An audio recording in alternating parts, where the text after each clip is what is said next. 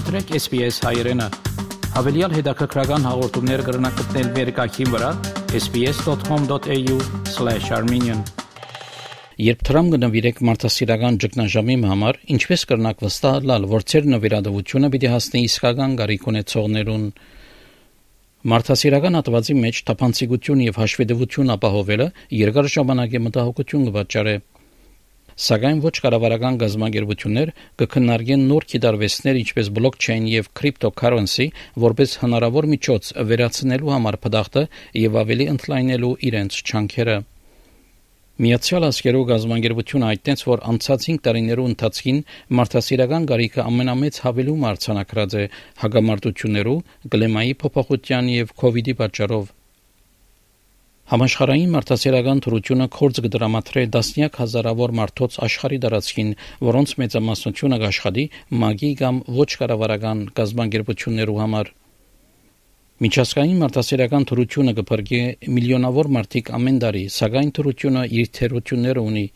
Դոկտոր Սանջայա Քրուպու Ադելայդ համալսարանի հաշվաբաության ավակ տասախոսը կբացատրե International aid is really complex. Um, so one of the, the key issues that is perennial is how much aid that is donated actually gets to the beneficiaries that need it most. People have a significant concern about how their money that's been donated to various NGOs and other charities is actually being used and whether it's creating sustainable changes and positive changes in other people's lives. Թափանցիկությունը երկար ժամանակ է մտահոգության առարգա մներ ոչ կառավարական գազբանգերություններուն համար, որոնք միշտ չէ որ հնարավորություն ունեին 100%-ով վերահսկելու, թե իրենց հավաքած օգնությունը ուր կվերջանա։ You have so many different actors involved and there's a lot of politics which changes situations for NGOs. They can't not work with governments or other groups, for instance, terrorist organizations, because those groups provide access to those vulnerable populations that they need to work with. So they need those groups to get access to the populations, but in working with those groups, they might potentially legitimize them. Um, and, and they might also provide resources then that are channeled to things like buying weaponry, uh, or, or to, to other activities which are clearly not part of an NGO's mandate. Հատվածի մեջ շատեր այժմ կքննարկեն աբագետրոնացնելու հաշվապահությունը օգտագործելով բլոկչեյն հարցին առաջ կառնելու համար բլոկչեյն աբագետրոնացված դվյալներու շտեմարամն է ինչպես հաշվապահության դվյալներու քիրկը Դոկտոր Սանջայա Կրուպը գսե որ թրություն ունի ընդգրկված ապահովություն, որ արքեք կհանդիսանա, որ քրանցված պատմությունը որևէ ցևով փոխվի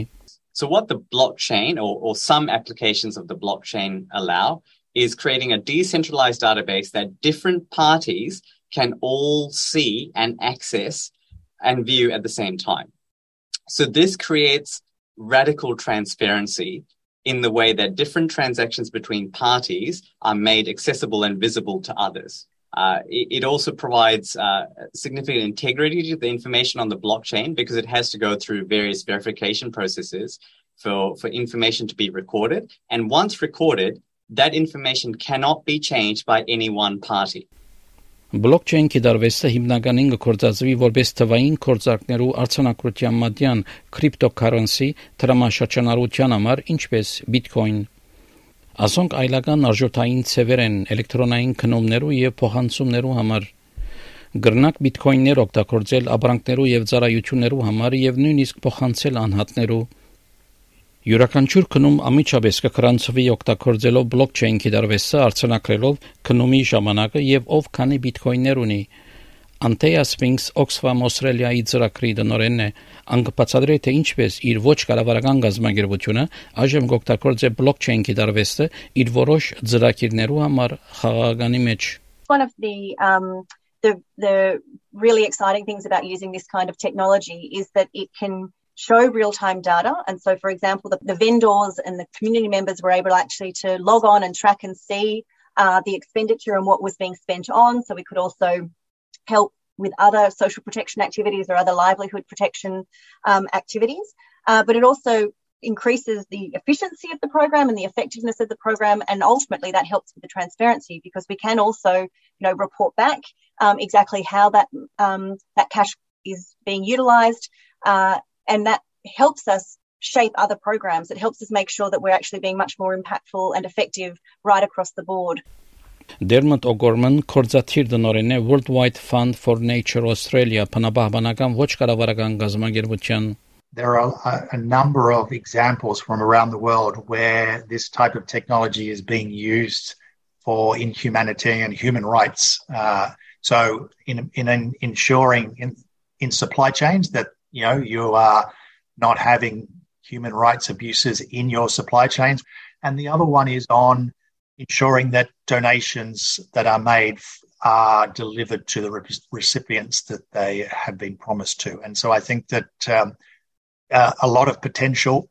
in the use of these technologies to address environmental, human rights, and, and social issues. Oxfam-ին անթեյասպին սկսե որ բլոկչեյն օգտագործվի նաև օգնելու մարդոց ինքնությամբ հաստատողներուն համար, որոնք հաճախ կգործվին աղետներու կամ հագամարտության կոդիներու մեջ. A lot of people in disasters uh, either lose um, all or some of their identity documents, and we all know that identity um, is, is dignity in terms of being able to prove who you are as an individual. And it's really important in terms of inclusion and making sure we are um, supporting and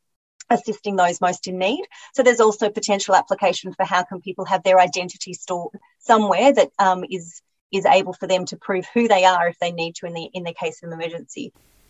Դոկտոր Քրուպը գտրվադե Օքսֆամի նորարությունը եւ գսե որ ոչ կառավարական գազագերբություններ այժմ կքննարկեն այս նոր քիտությունը դարբեր ծևերով օգտագործելու հնարավորությունները rather than channel it through various uh, subsidiary organizations or local partner NGOs, using the blockchain as a system by which Oxfam can directly give aid to people who need it and see how that aid is also getting spent in, in various places. So it's quite an innovative project, um, relatively embryonic, but many NGOs are, are interested in and, and investing in this space as well blockchain and things like Bitcoin, Ethereum, other different types of tokens might also provide a mechanism to work around terrorist organizations and potentially governments. Թինա Քուինի այս պատմությունը SBS News-ի համար SBS հայրենի համար պատրաստեց եւ ներկայացուց Վահե Կատեփ։ Կուզես լսել նման պատմություններ, կընտրե Apple Podcast-ի, Google Podcast-ի, Spotify-ի վրա, կամ որտեղեն որ podcast-ը կլսես։